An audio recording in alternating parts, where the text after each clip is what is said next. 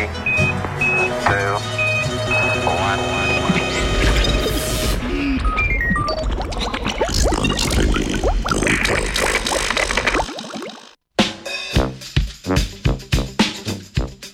Dobro jutro, abienčik.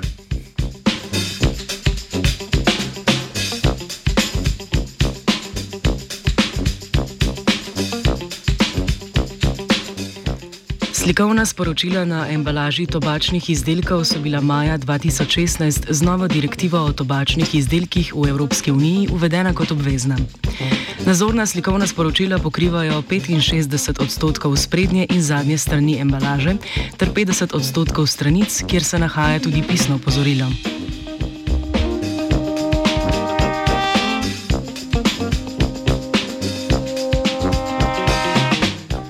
Skupina znanstvenikov in znanstvenic je za revijo International Journal of Environmental Research and Public Health objavila raziskavo, v kateri so analizirali učinek opozoril na tobačnih izdelkih.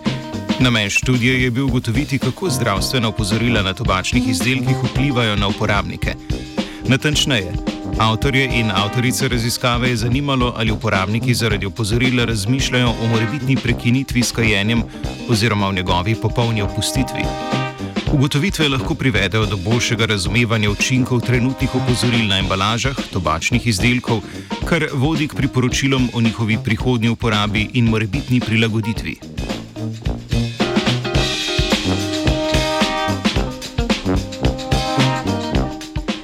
Anketiranje uporabnikov je potekalo prek spleta.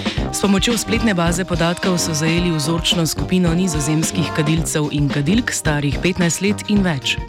Kontrolne spremenljivke so bile spol, starost, stopnja izobrazbe, raven nikotinske odvisnosti, število udeleženih in primerjava dnevne uporabe tobačnih izdelkov.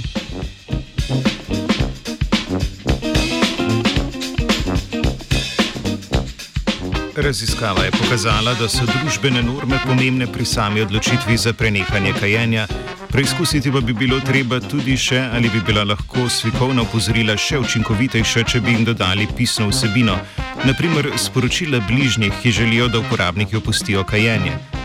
Poleg tega rezultati kažejo, da je dobra vidnost zdravstvenega opozorila pomembna za povečanje poskusov prenehanja s kajenjem.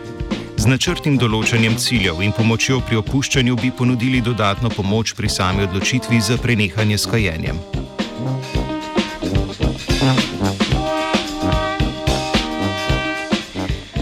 Rezultati temelijo na analizi podatkov pridobljenih na podlagi nizozemskih kadilcev, ki so bili izpostavljeni varnostnim opozorilom, uporabljenim na nizozemskem.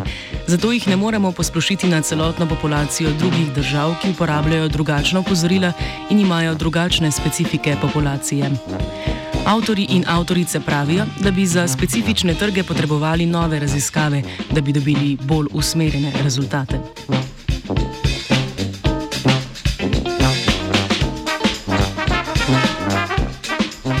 Povzetek rezultatov raziskave nakazuje, da so zdravstvena opozorila na uporabnike in uporabnice vplivala na tri načine.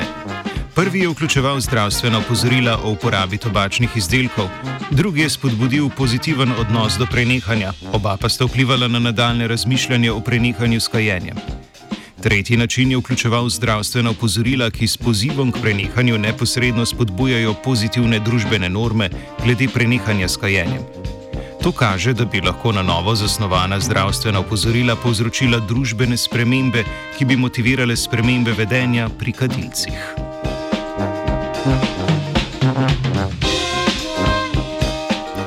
Za zbritov je zvila vajenka Andreja.